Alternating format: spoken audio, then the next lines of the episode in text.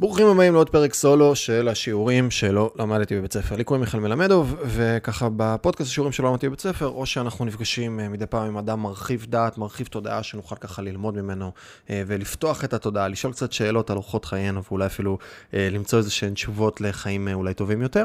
אז יש לנו או פרקים כאלה, או פרקים, פרקי סולו, שבהם אני לוקח איזשהו נושא מסוים ומייצר איזה deconstruction כזה.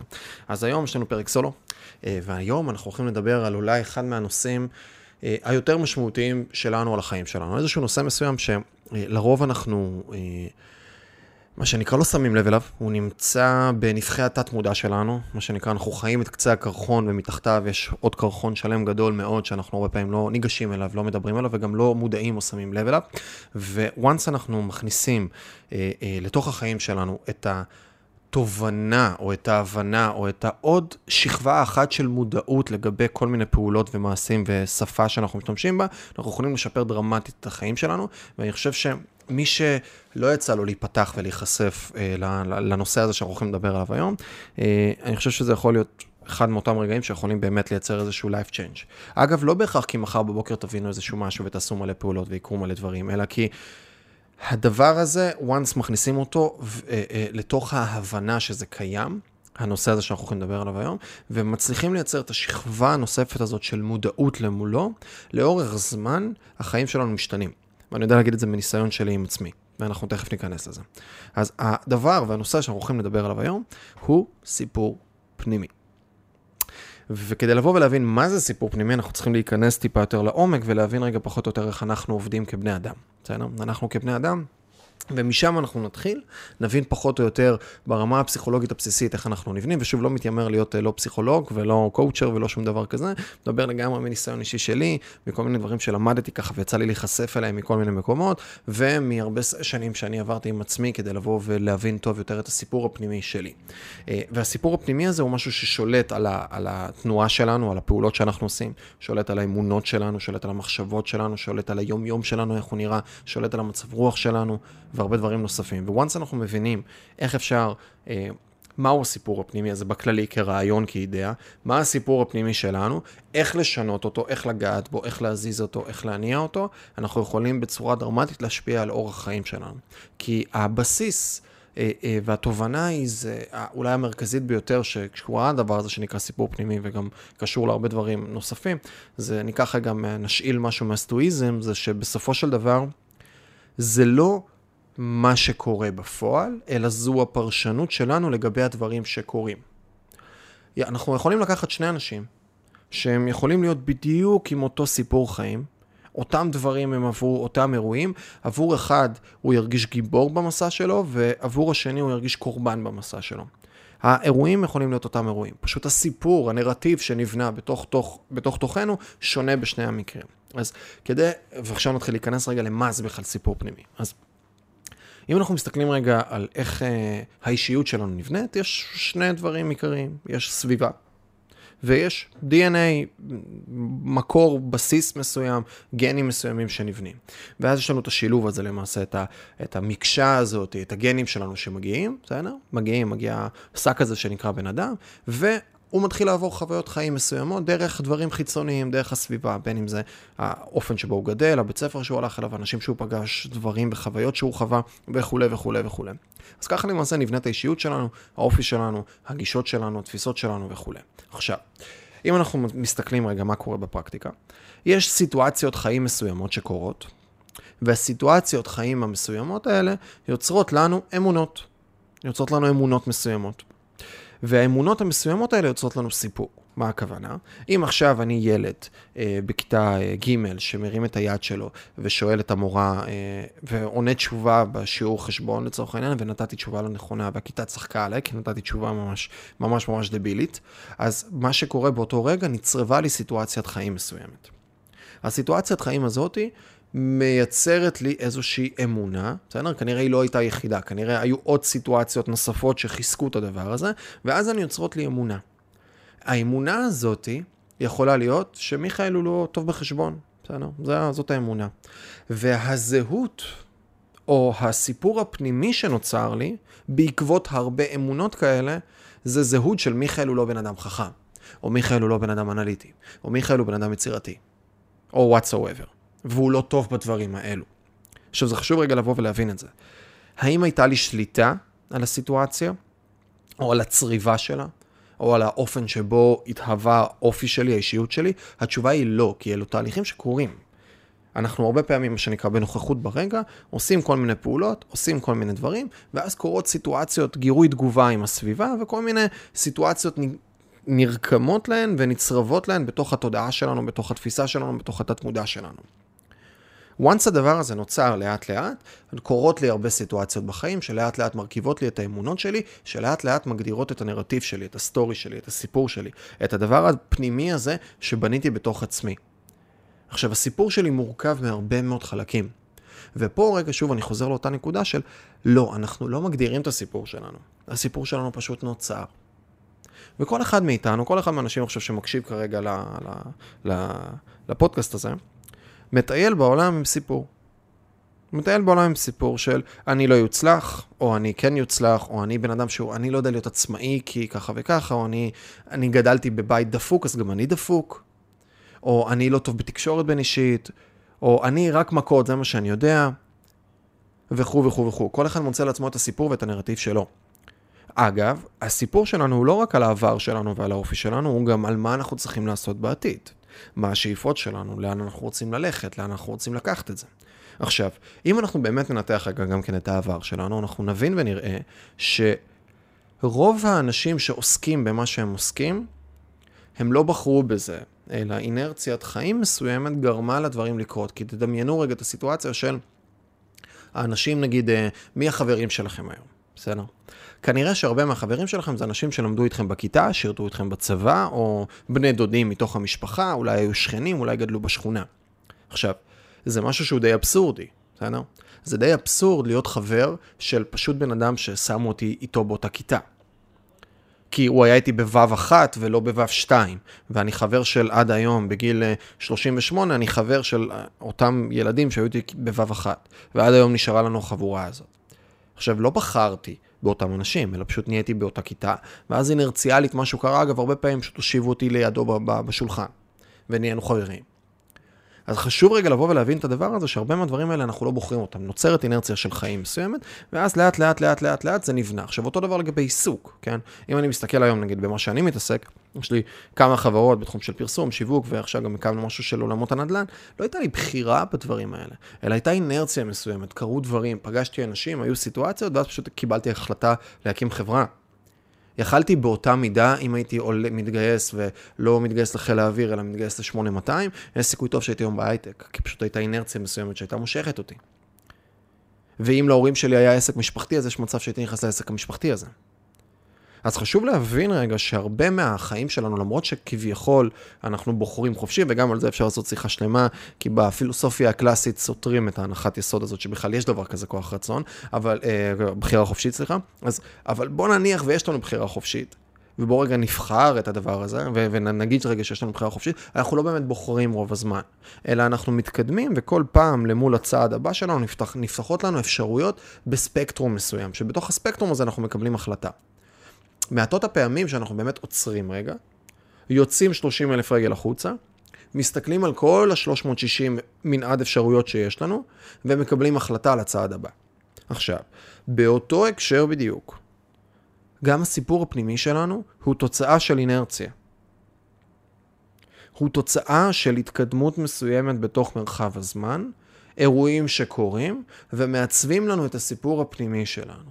אם גדלתי בבית שבו יש לי שני אחים שהם אה, משפחה של רופאים, במקרה זה באמת הסיפור שלי, אז בסיפור הפנימי שלי אני צריך להיות רופא. היה תקופה מאוד מאוד ארוכה, עד גיל מאוד מאוחר, זה היה הסיפור. זה, זה לאן אני צריך ללכת. כי אין אלטרנטיבות. כי זה מה שהתהווה ונבנה בתוכי. או לחלופין הרבה דברים אחרים. עכשיו כל אחד, אתם יכולים רגע לשאול את עצמכם, וסיפור הוא משהו שהוא הוא כאילו דבר אחד, אבל זה לא דבר אחד, זה מורכב מהרבה מאוד דברים. מורכב מהרבה מאוד דברים, והסיפור פנימי הוא יכול להיות uh, מישהו שמרגיש שהוא קורבן כל החיים שלו. זה סיפור פנימי. עכשיו, בואו ניקח רגע מתוך הדבר הזה שנקרא סיפור פנימי, ונתחיל לשאול את עצמנו איפה זה בא לידי ביטוי ואיפה זה מתבטא, כדי שנבין כמה חשוב לבוא ולשחק איתו ולנסות לשנות אותו הרבה פעמים. בן אדם שמרגיש שהוא קורבן, כי הוא גדל לצורך העניין במשפחה שהיא קשת יום, כי לצורך העניין הוא היה בבתי ספר או באוכלוסייה שהיא אוכלוסייה מאתגרת, שלצורך העניין היה באלימות, והשכלה הוא לא משהו שהוא טריוויאלי בתוך הדברים האלה. עכשיו, ניקח אפילו לא קורבן, ניקח את הסיטואציית חיים הזאת. תסכימו איתי שיש מצב טוב, שיש הרבה אנשים שמתוך הסביבת חיים הזאת, דווקא ילכו ל-180 מעלות ויקבלו החלטה עם עצמם של אני לשם לא חוזר, ואני גם, אני גם מה שנקרא לא הולך לבוא ולשנות, אני לא הולך לתת לילדים שלי לחיות את החיים האלה. מצד שני, יש אנשים שיגידו, רגע, זאת הסביבת חיים שלי, זה מה שלמדתי, ועם זה אני צריך לבוא ולהתקדם, אין לי אופציה אחרת. יש סיפור שככה גם ניסיתי להתחקות אחריו ולמצוא את זה בתוך הספר, לא מצאתי, אבל אמרו לי שהוא מהספר, אז אני סומך על מי שאמר לי את זה. אה, יש אה, ספר אה, של מישהי בשם טינה, אם אני לא טועה, שנקרא דברים שהלוואי והייתי יודעת בגיל 20. זה השם של הספר. ובספר היא מספרת על שני אחים. אח אחד, שני אחים תאומים שגדלו באותה משפחה, ואח אחד הפך להיות אה, אה, באמת אה, פרופסור מהמעלה הראשונה, מחקרים מאוד מאוד מפורסמים, איש עמיד מאוד, אה, איש עסקים גם בנוסף להיותו פרופסור, הצליח גם לעשות הרבה כסף וגם לייצר אימפקט מאוד מאוד גדול. והאח השני אה, נכנס לכלא והידרדר מאוד ממקום של כאילו נהיה מין סוג של ראש משפחת פשע. וכששאלו את שניהם את אותה שאלה, שאלו אותם, תגיד, אה, מה, איך הגעת לזה שכל כך הצלחת בעסקים, ואיך הגעת לזה שכל כך הצלחת להגיע גבוה גבוה? אז הוא אמר, אני גדלתי במשפחה אה, אה, מפורקת, משפחה קשת יום, משפחה מאתגרת, משפחה עם אלימות, משפחה וסביבה שהייתה מאוד מאוד מאוד מאוד קשה. אז כשהסתכלתי על כל הדברים האלה, הייתי חייב לעשות את ההופכי. לא יכלתי לעשות אחרת. זאת הייתה התשובה. עם כאלה תנאי בסיס, לא יכלתי לעשות אחרת. וכששאלו את האח שנמצא, ב... שהוא סוג של ראש ארגון פשע קטן, והוא מצא את עצמו בכלא, והיה ב... עשה מעשים נוראים ו... ופעל בתצורות לא אתיות בכלל, כששאלו אותו, תגיד, מה... איך הגעת למצב שהגעת לאן שהגעת? התשובה שלו הייתה, עם אותם אתגרים שאני חוויתי, עם אותה משפחה קשת יום, עם אותם אתגרים, עם אותה אלימות, עם אותה סביבה, לא יכולתי אחרת. לא הייתה לי אפשרות אחרת. זה מה שלמדתי, זה מה שהתחנכתי. אז, עכשיו זה לא משנה באמת אם זה סיפור אמיתי או לא סיפור אמיתי, הקונספט הוא אותו קונספט. בשניהם, לכל אחד מהם יש סיפור פנימי שונה. לאחד מהם יש סיפור פנימי שאומר, תקשיב, אחרי מה שראיתי וחוויתי, אי אפשר, אני לא יכול לשאת את הדבר הזה, אין מצב שאני מגיע לשם, אני הולך הפוך. והשני אומר, באותו סיפור פנימי, סיפור, סיפור פנימי של יותר מה שנקרא התקרבנות מסוימת, תקשיב, עם אותה סביבת חיים, אני לא יכול לצאת משם, איך אפשר לצאת משם? זה, זה מה שצריך להיות, זה הפעולה. אז אם אנחנו מסתכלים רגע על אותה סיטואציית חיים, וזה הרבה פעמים אנחנו, כל אחד יכול לשאול את עצמו, יש הרבה אנשים שגדלים בבתים מסוימים, בסביבות חיים מסוימות, בתנאים מסוימים, וחלק מהם מקבלים החלטה מסוימת ולבנות נרטיב וסיפור פנימי מסוים, וחלק מקבלים החלטה בדיוק הפוכה מתוך הדבר הזה. עכשיו, בואו נחזור רגע אחורה ונשאל על מה זה משליך. בואו ניקח את אותו בן אדם שהוא כרגע עם סיפור פנימי של התקרבנות. האם השפה שלו תהיה שונה? האופן שבו הוא מתאר דברים? האם ההתנהגות שלו תהיה שונה? האם הסביבה והאנשים שיהיו סביבו הם יהיו שונים? התשובה היא כמובן שכן. לפי הסיפור שלנו יש הרבה מאוד נגזרות פרקטיות בשטח שקורות. ודוגמה הכי טובה לזה מבין כמה הדברים שאמרתי, שפה זה משהו מאוד מאוד מאוד מאוד חזק, שהוא הקרנה ישירה של הסיפור שיושב לנו ב-back of our mind. בן אדם שהסיפור הפנימי שלו הוא מסוים, ידבר בצורה מסוימת. בן אדם עם סיפור פנימי אחר, ידבר אחרת. אותו אדם עם נרטיב של קורבנות בתוך חייו, הרבה פעמים בשפתו הוא ייצר השלכה. מה זה אומר? הוא לא יגיד, איחרתי כי לא יצאתי בזמן. ולא צפיתי שהולכים להיות פקקים. הוא יגיד, איחרתי כי היו פקקים. כי היום הראשון לספטמבר, אז כאילו בראשון לספטמבר יש מלא פקקים, כי עכשיו חזרנו ללימודים, כאילו חזרו ללימודים הילדים, אז הכל פקוק. בן אדם שהוא לא בתפיסת חיים של אה, התקרבנות, הוא ידבר במיקוד שיטה פנימי, בסדר? עכשיו הדוגמה, יכול להיות שאותו בן אדם גם אה, אדם שלא נמצא בתוך סיפור או נרטיב של קורבנות, יכול להיות שאותו אדם בעצמו גם כן יכול להגיד שהוא איחר בפקקים כי היה פקקים, כן? אבל הנרטיב הכללי שלו יהיה נרטיב של קבלת אחריות, לעומת בן אדם שנמצא בצד השני של השלכה חיצונית החוצה. יש מושג בעולם הפסיכולוגיה שנקרא מיקוד שיטה פנימי, כן? אדם עם מיקוד שיטה פנימי מסתכל בראי, זה אומר שהוא מסתכל על עצמו, למול הסיטואציות חיים שקורות לו. בן אדם שנמצא במיקוד שליטה חיצוני, הוא כאילו מסתכל על העולם דרך חלון, הוא מסתכל על הסביבה, הוא מסתכל על אנשים מבחוץ, הוא מסתכל על... הוא אומר, זה ביבי, זה הממשלה, זה בנט, זה, זה, זה, אה, הפלסטינאים, זה תקציב הביטחון הגדול, בישראל אי אפשר להצליח, וכולי וכולי וכולי. אז הסיפור הפנימי שלנו, השפה של בן אדם, שהסיפור הפנימי שלו הוא גיבורות לצורך העניין, או קבלת אחריות, תהיה שונה מאותו בן אדם שנמצא במקום אחר. עכשיו, זה כמו מין סוג של התחפרות כזאת. אדם עם סיפור פנימי מאתגר, ימצא את עצמו מתחפר, כמו זה הרבה פעמים הפתרון כשאנחנו מתחפרים לצורך העניין עם טנדר 4 על 4 כרגע, עם ג'יפ 4 על 4 בשטח, אז זה לא ללחוץ גז כמה שיותר מהר, כי זה פשוט חופר את עצמנו לדעת, חופר את עצמנו בפנים. עכשיו, אותו דבר כאן, השפה שלנו היא הקרנה נורא נורא נורא נורא חזקה של הסיפור הפנימי שלנו, וכשאנחנו מתחילים לדבר, וכל הזמן אנחנו מדברים במיקוד שליטה חיצוני לצורך העניין, בדוגמה הזאת של הסיפור הפנימי, אז אנחנו מתחפרים עוד יותר עמוק, עוד יותר עמוק, עוד יותר עמוק, כי אנחנו הופכים את הדבר הזה לשגרה שבתוכנו. אגב, אותו דבר פעולות.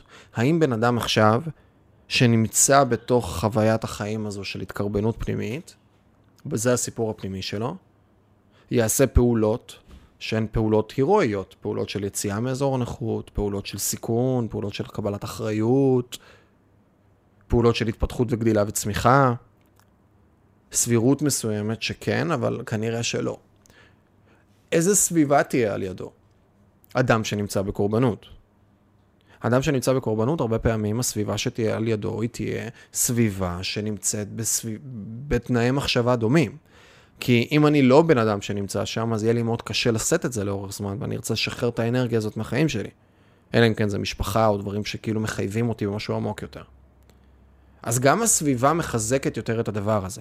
אז יש כאן כאילו איזשהו מנגנון לא פייר, וזה למה אה, אה, כשמדברים על חוק פרטו, וזה גם כן יפה לבוא ולקחת את זה, הצלחה מושכת הצלחה.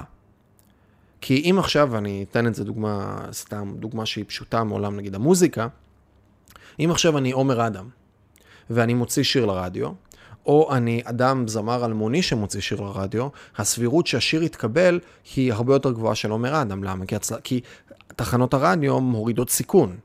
בזה שהם שמו את השיר של עומר אדם. עכשיו, אני אקח את אותה דוגמה הפוכה. אם אני עומר אדם, עכשיו אני רוצה שמישהו יכתוב לי שיר.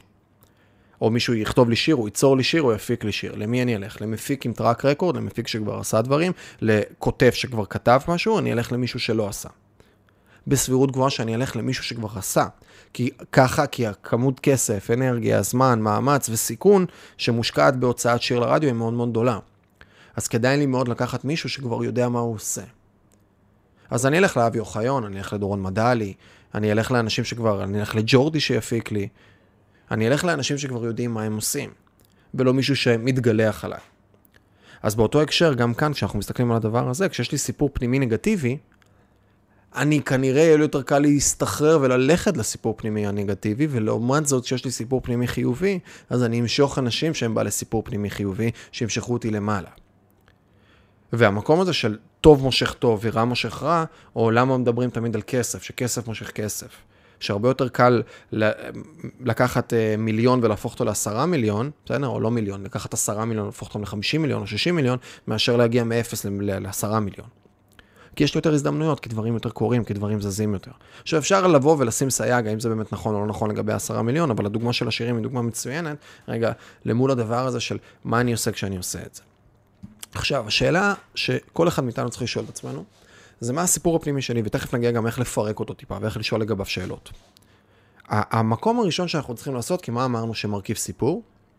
ואגב, אני, אני, סיפור פנימי זה לא רק קורבנות, זה תוצר של אחד מהדברים האלה, כן? אבל סיפור פנימי זה יכול להיות הרבה מאוד דברים. למשל, אני כ, כבן אדם יכול, יכלתי מאוד להיכנס לסיפור פנימי של להיות עצמאי. אה, אבי, זיכרונו לברכה, היה עצמאי, אה, היה רופא המון המון שנים, עם ביטחון, יציבות וכולי.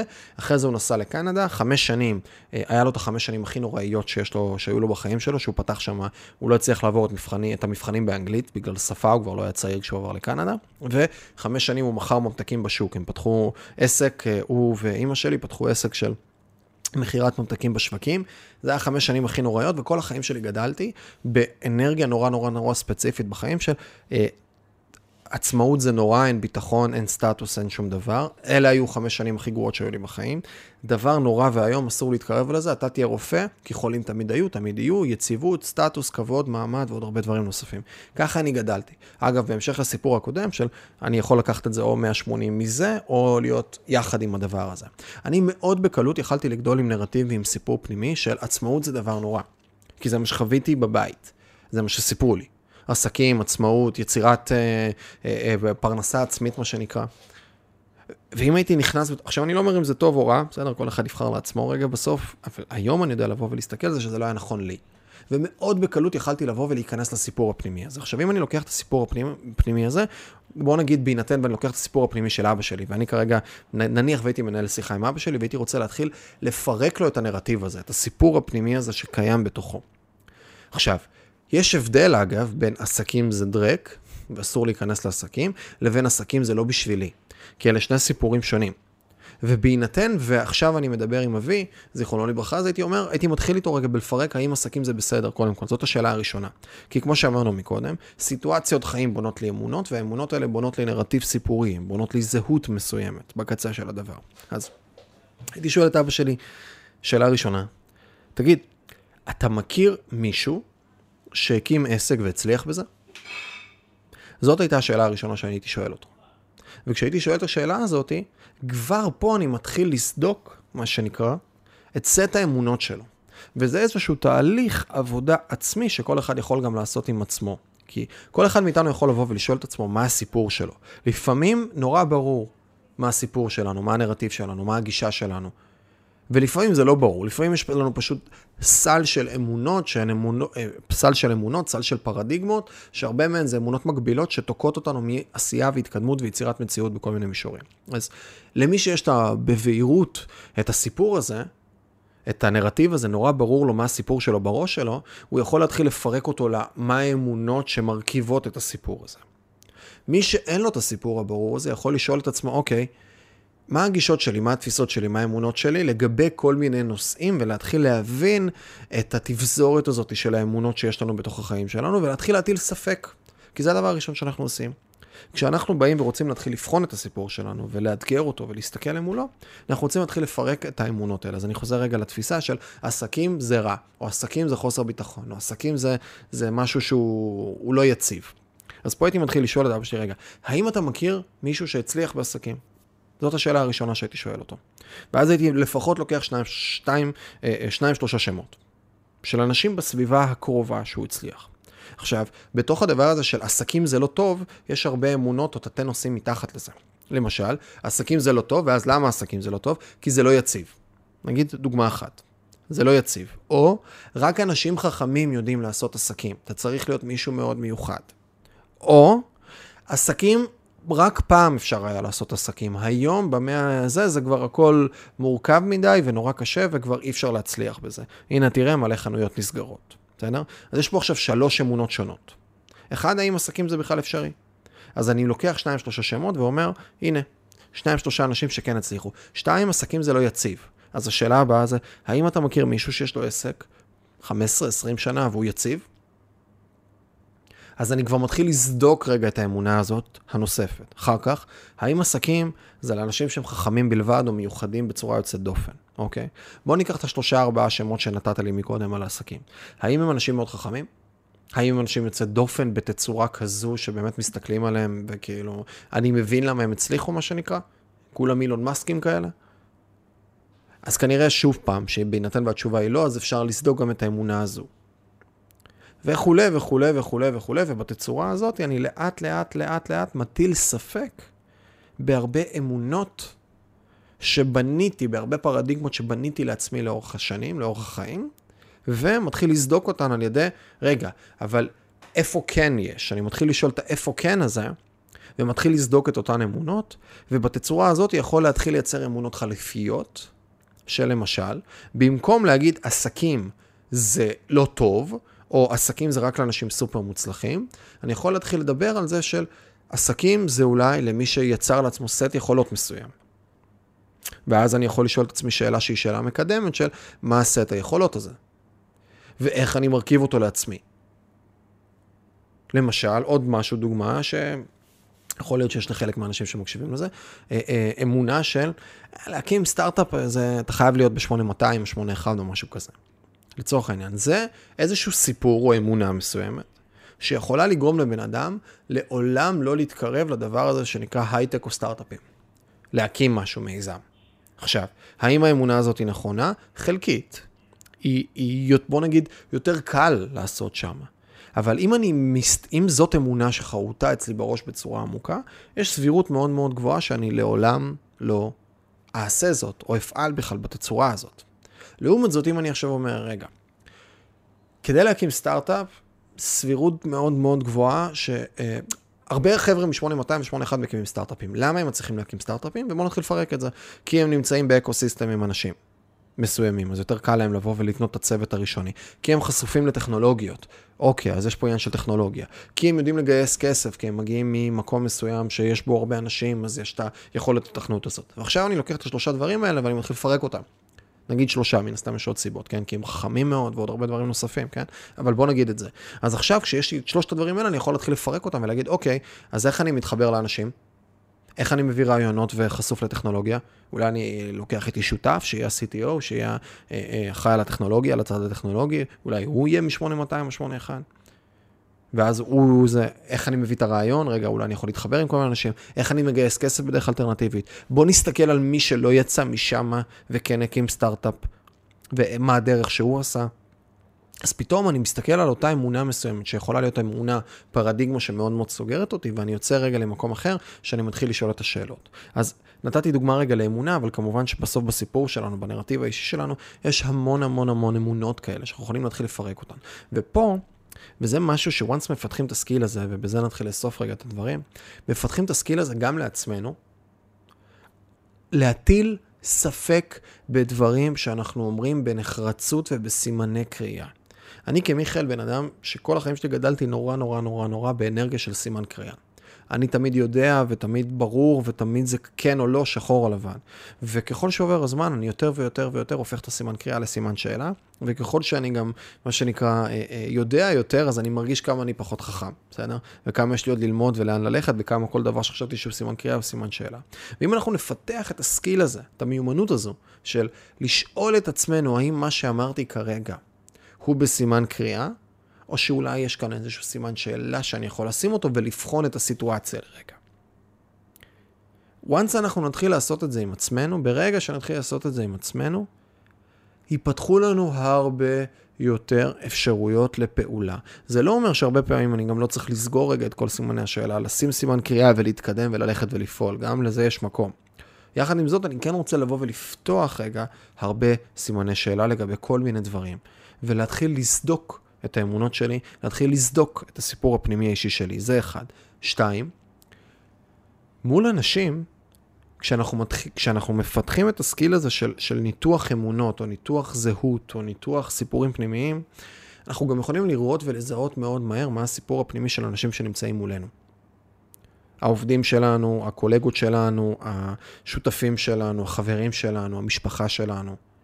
אנחנו יכולים לבוא ולהסתכל על בן אדם ולהתחיל להבין את הסיפור הפנימי שלו, של למה הוא אומר את מה שהוא אומר. וזאת מיומנות שכשאנחנו מפתחים אותה, אנחנו מפתחים מודעות אליה, אנחנו נהיים הרבה יותר, אחד, צנועים, שתיים, מכילים. הרבה יותר קשה לכעוס על בן אדם, כשאנחנו מבינים לעומק, כשאנחנו מצליחים להבין, לא בהכרח לעומק, אבל אנחנו מבינים את הסיפור הפנימי שלו בגדול, מה גורם לו להתנהג בתצורה שבה הוא מתנהג כרגע. חינוך, מקום וכו' וכו' וכו'. פתאום ההתנהגות שלו היא לא התנהגות של קצה קרחון, היא לא התנהגות של רק הקצה של מה שאנחנו רואים. כי בכל פעולה שבן אדם עושה, או אמירה שבן אדם אומר, יש מאחוריה הרבה מאוד מורכבויות שגרמו לו להגיד את המילה הזאתי בנקודת זמן הזו. למשל, בן אדם שנגיד אנחנו בזוגיות, והבת זוג שלנו או הבן זוג שלנו כל הזמן מקנא לנו. כל הזמן מקנא לנו. וגם אומר הערות פוגעניות לצורך העניין במקרים מסוימים כשאנחנו עושים משהו. אז אם אני בא ו- ומנתח, או, או לצורך העניין מתייחס רק למילה שהוא אמר, או לפעולה שהוא עשה, או היא עשתה, אז אני מנתח את זה ואני יכול להיכנס לקלאשים הרבה פעמים. אבל אם אני מבין שמאחורי הדבר הזה, עומד אה, סיפור רקע של 2-3 בגידות בעבר, שבגדו בה או בו, אז מכאן אני יכול להבין ולהסיק שהדבר הזה של יציבות וביטחון ואמון באחרים, הוא משהו שכמעט ולא קיים אצלו, כי בסיפור הפנימי שלו, אנשים בוגדים, אנשים עוזבים, אנשים נוטשים. ולכן הפעולה או התוצר של אותה אמונה עמוקה, זה לגונן כל הזמן.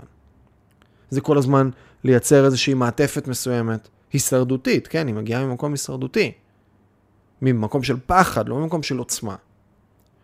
אז הוא כל הזמן פועל מהמקום הזה. ואם אני אתייחס רק לפעולה שלו ולא אתייחס לסיפור שעומד מאחורה, אני אפספס הרבה ואני לא יודע להגיע לרמות עומק עמוקות, שורשיות של הדברים. אז באותו הקשר, כשאנחנו מפתחים את המיומנות הזו, אנחנו יודעים ממש ממש ממש לנתח אחרים. אנחנו יודעים לבוא ולהסתכל על כל מיני דברים בצורה אחרת. אנחנו הופכים להיות הרבה יותר בין פסיכולוגים לסוציולוגים לאנתרופולוגים, משהו באמצע שם של איזשהו חקר מסוים של, של בני אדם. מסתכלים, מייצרים הרבה יותר spectatorship. מה זה אומר? לצאת רגע החוצה, להיות צופה. להיות צופה ולהסתכל על הסיטואציה מבחוץ, לא רק להיות בתוכה, לייצר את ה dis-attachment הזה שמסתכלים על הדברים מבחוץ ויודעים לבוא ורגע לנתח מה עומד בבסיס של הדברים. מה עומד מאחורי הפעולה, מה אומר מאחורי האמירה, איזו אמונה או איזו זהות או איזה סיפור. וזה משנה בצורה די דרמטית את האופן שבו אנחנו מתנהלים מול אנשים. זהו חברים, אז העצה שלי, או שוב, לא עצה, כל אחד יכול לקחת או לא לקחת, זו בחירה שלכם כמובן, אה, יכול להיות שזה היה לכם נחמד, וגם אתם יכולים כמובן אה, לבוא ולהתנגד ולהגיד למה לא ולמה כן, ואיך זה עובד לכם ולא עובד לכם והכל טוב, ויש מקום להרבה דעות וגישות. מי שכן רוצה לבוא ולקחת את זה לשלב הבא, יכול לשאול את עצמו, מהן 4-5 אמונות מקבילות שיש לו עם עצמו, שהוא מרגיש שמעכבות אותו בכל מיני דברים. שפותחות איזשהו סימן שאלה. הרבה פעמים לא מאוד, מורכ... לא מאוד קל לנו לעשות את זה עם עצמנו, אז כדאי לבוא ולחבר מישהו מבחוץ שיעזור לנו רגע, לבוא ולשאול את השאלות האלה. אז אתם יכולים גם לשאול שלושה, ארבעה אנשים מבחוץ, איזה אמונות מגבילות אתה חושב שיש לי לגבי עצמי? ולתת כל מיני דוגמאות מהדברים גם נגיד שדיברנו עליהם היום. אז איזה אמונות מגבילות יש לכם? לבוא ולנתח את זה, יהיה מצוין אם תעשו את זה עם 2, 3, 4 אנשים, וגם אם לא תעשו את זה עם אנשים חיצוניים, אתם יכולים לעשות את זה עם עצמכם. לבוא ולשאול 3, 4, 5 אמונות שהן תוקעות אותי, או פרדיגמות, או כל מיני דברים שמייצרים לי איזשהו סימן קריאה בתוך החיים שלנו, איזושהי אמונה מסוימת. ואז, לצורך, אם אני רוצה לבוא ולקחת את זה, אז אני יכול לכתוב מה אני מאמין, בסדר? אני מאמין ש, או אני חושב לגבי עצמי ש, או בגישה שלי החיים הם, או בגישה שלי אנשים הם. לבוא ולבנות איזה סט של 5, 6, 7, 10 פרדיגמות, משפטים כאלה עם סימן קריאה, ואז לשאול סימן שאלה למולן של איפה זה לא ככה, או מתי זה לא ככה, ולהתחיל לסדוק את הדבר הזה. ואני אגיד יותר מהכל, התרגילים האלה הם מעולים ואפשר לעבוד איתם עם עצמנו בכל מיני מישורים.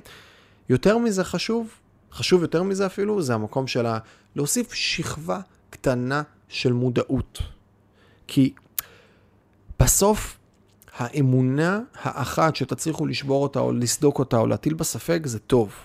זה מעולה וזה יכול לייצר פריצות דרך לאנשים ולהתקדם ולעשות כל מיני דברים בחיים בצורה נפלאה. יחד עם זאת, אם תצליחו לא רק לקחת דג, של אמונה אחת, אלא לקחת חכה, שכל פעם כשתגידו משהו, או כשתדברו עם בן אדם אחר והוא יגיד לכם משהו, אתם תייצרו שכבה קטנה של מודעות, של, של עוד שנייה של חשיבה לגבי מאיזה מקום הוא אמר את מה שהוא אמר. המשמעות של זה היא, היא, היא אסטרונומית ב, לאורך החיים. כי היא פשוט גורמת הרבה יותר עומק והרבה יותר שורשיות. לא, לא טיפול בסימפטום, אלא טיפול מהשורש. באתגרים, בבעיות, בכאבים, בחוויות חיים. אז זהו חברים, מקווה שקיבלתם ערך בפודקאסט הזה. אה, אני הייתי מיכאל מלמדוב, ואם בא לכם לקבל uh, ממני uh, גם תזכורות על הפודקאסטים שעולים, וגם לקבל מייל שבועי שנקרא חמש בחמישי, שזה חמישה דברים שיצא לי להיחשף אליהם בשבוע האחרון, שאני מקבל, זה יכול להיות פודקאסטים אחרים, זה יכול להיות מאמרים, זה יכול להיות ציטוטים, זה יכול להיות מלא מלא מלא מלא דברים שאני אוסף ככה ומעלה אותם, אז אתם מוזמנים לחפש בגוגל חמש בחמישי, לרשום את המייל שלכם ולהצטרף אלינו לרשימת תפוצה. אז זהו חברים, נתראה בתכנים הבאים.